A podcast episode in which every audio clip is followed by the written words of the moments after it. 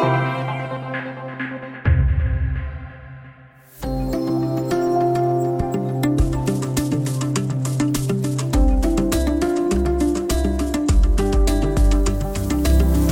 Håll avstånd, kramas inte, skydda alla som tillhör riskgrupperna. Just nu känns hösten lång och ganska tröstlös. Nu handlar det om uthållighet och om att undvika en alltför kraftig ny våg av smitta. Orkar vi fram till vaccinet? Och hur stor lättnad ger ett vaccin egentligen? Välkommen till Studio DN. Jag heter Sanna Thorén Björling.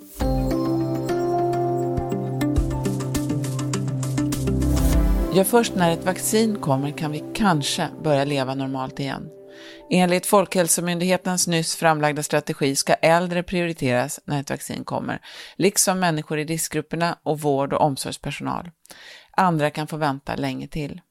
Kapplöpningen för att hitta ett vaccin är både en tävling mot tiden och antalet dödsoffer för covid-19 och en tävling mellan läkemedelsbolag och länder. Alla vill vara först. Men det handlar också om att vara säker och att få ett vaccin som faktiskt är verksamt mot sjukdomen och som inte ger oväntade obehagliga biverkningar.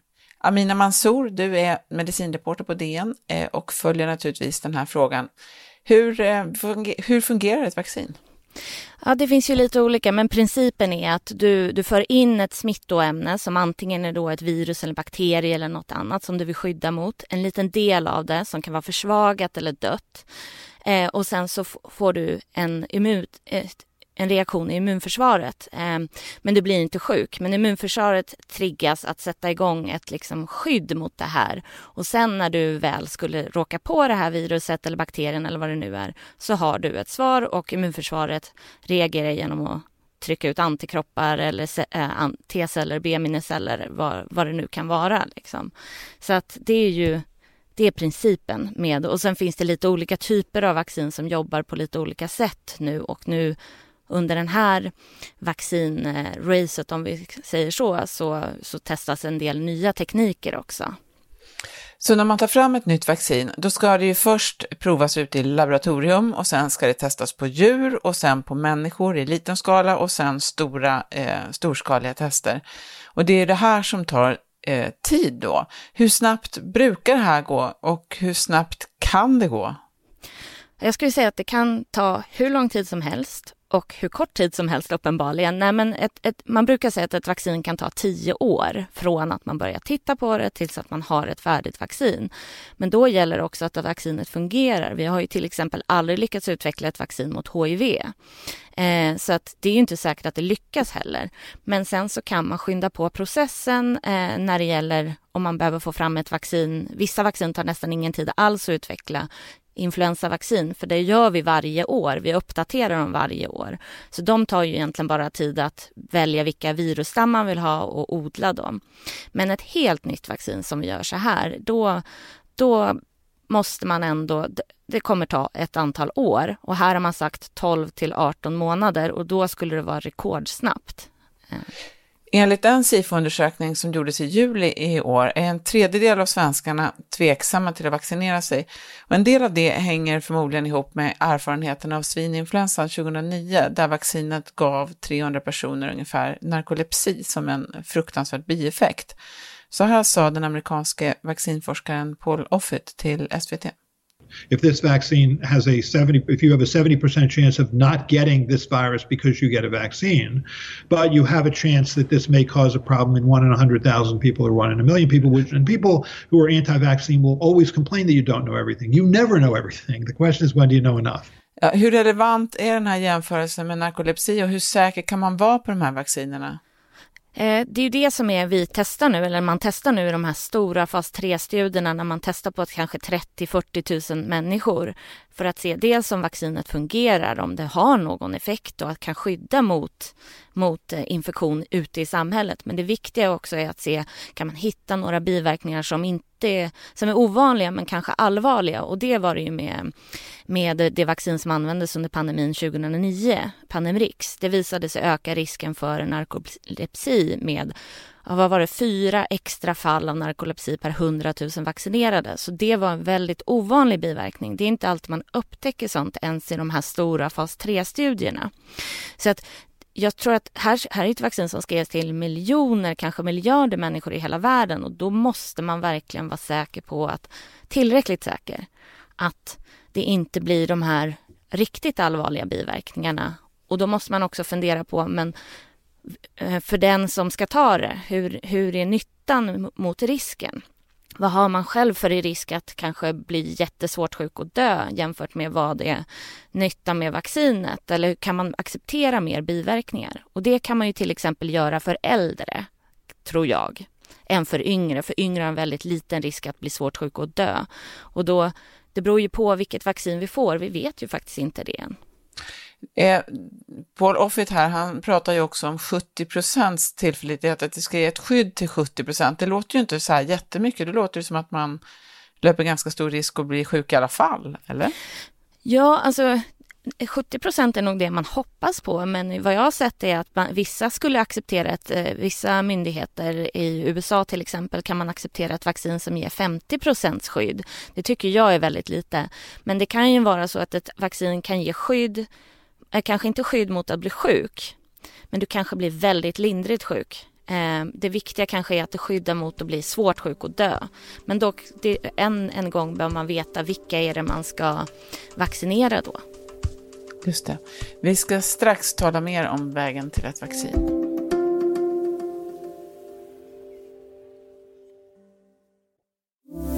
Vi talar med Dagens Nyheters medicinreporter Amina Mansour om kampen för att få ett vaccin mot covid-19 på plats.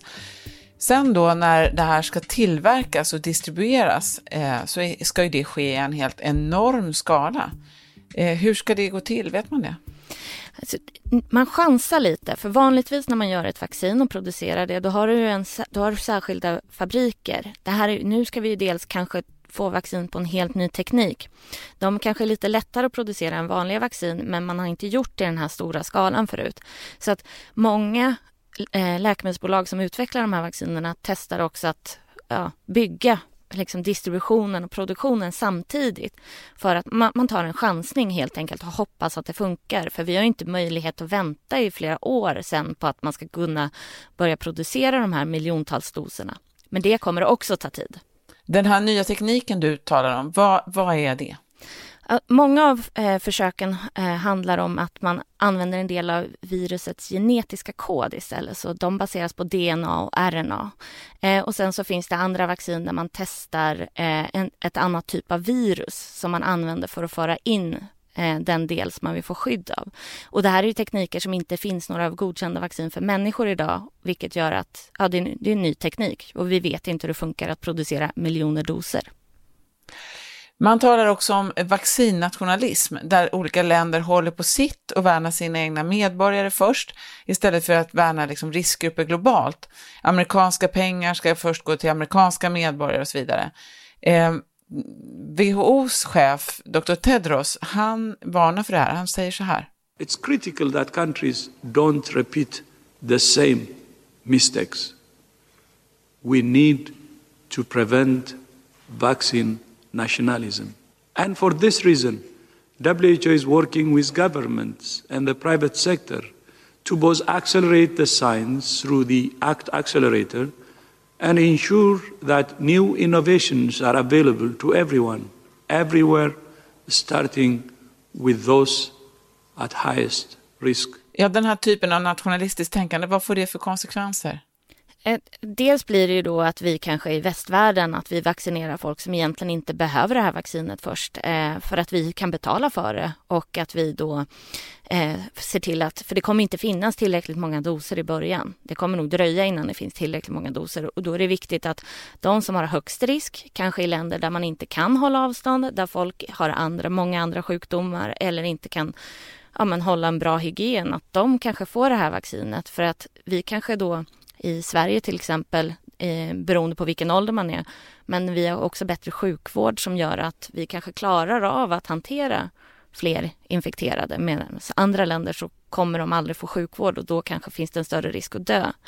Så den, den oron tycker jag, eller den, vi måste ju klara av det här tillsammans. Vi kan ju inte bara tänka på oss själva i det här, men det, det finns det ju vissa som gör det finns ju länder som redan nu säger att, det, att de har ett vaccin klart. Ryssland tänker jag på. Eh, och president Putin har ju sagt att hans dotter har provat det här. Det är lite som att sätta flaggan först på månen. Eh, eh, eh hur, hur tillförlitligt är det här vaccinet? Skulle du prova det? Inte om det inte, inte i nuläget och inte om det inte fanns en eh, etisk, eh, en etikprövning och att det var i en klinisk studie. Eh, då skulle jag kunna testa det. Men, men de har inget vaccin. Det är pro bara propaganda. Det är testat på under 100 personer så de vet inte om det fungerar i verkligheten ute i samhället. För det är det vi måste göra. Vi måste ha de här stora fas 3-studierna för att veta om människor som har för man kan se i tidiga labbstudier kan man se att folk får ett immunsvar, de får antikroppar. Eh, men, men viktiga är ju att se att blir de sjuka eller blir de inte sjuka när de är ute i samhället? Och då måste man ju testa det i verkliga förhållanden. Eh, så jag skulle säga att nej, det finns inget ryskvaccin. Det var viktigt för dem att säga det. Eh, uppenbarligen, men, men det här kommer att testas och det måste göra det innan vi kan börja vaccinera hundratusen miljoner människor kanske. Men kan det vara så att det kan komma en biverkan som inte vi hinner se innan vaccinet hinner massdistribueras för att den kanske kommer uppstå efter ett år eller två år? Ja, det, det, kan det absolut vara och det är det som jag tror att man måste vara väldigt tydlig med när man säger, förklarar för befolkningen. Det här är nyttan och det här är riskerna. Sen så kanske narkolepsin var väldigt, väldigt oväntad. Det har aldrig uppstått en sån typ av biverkan förut.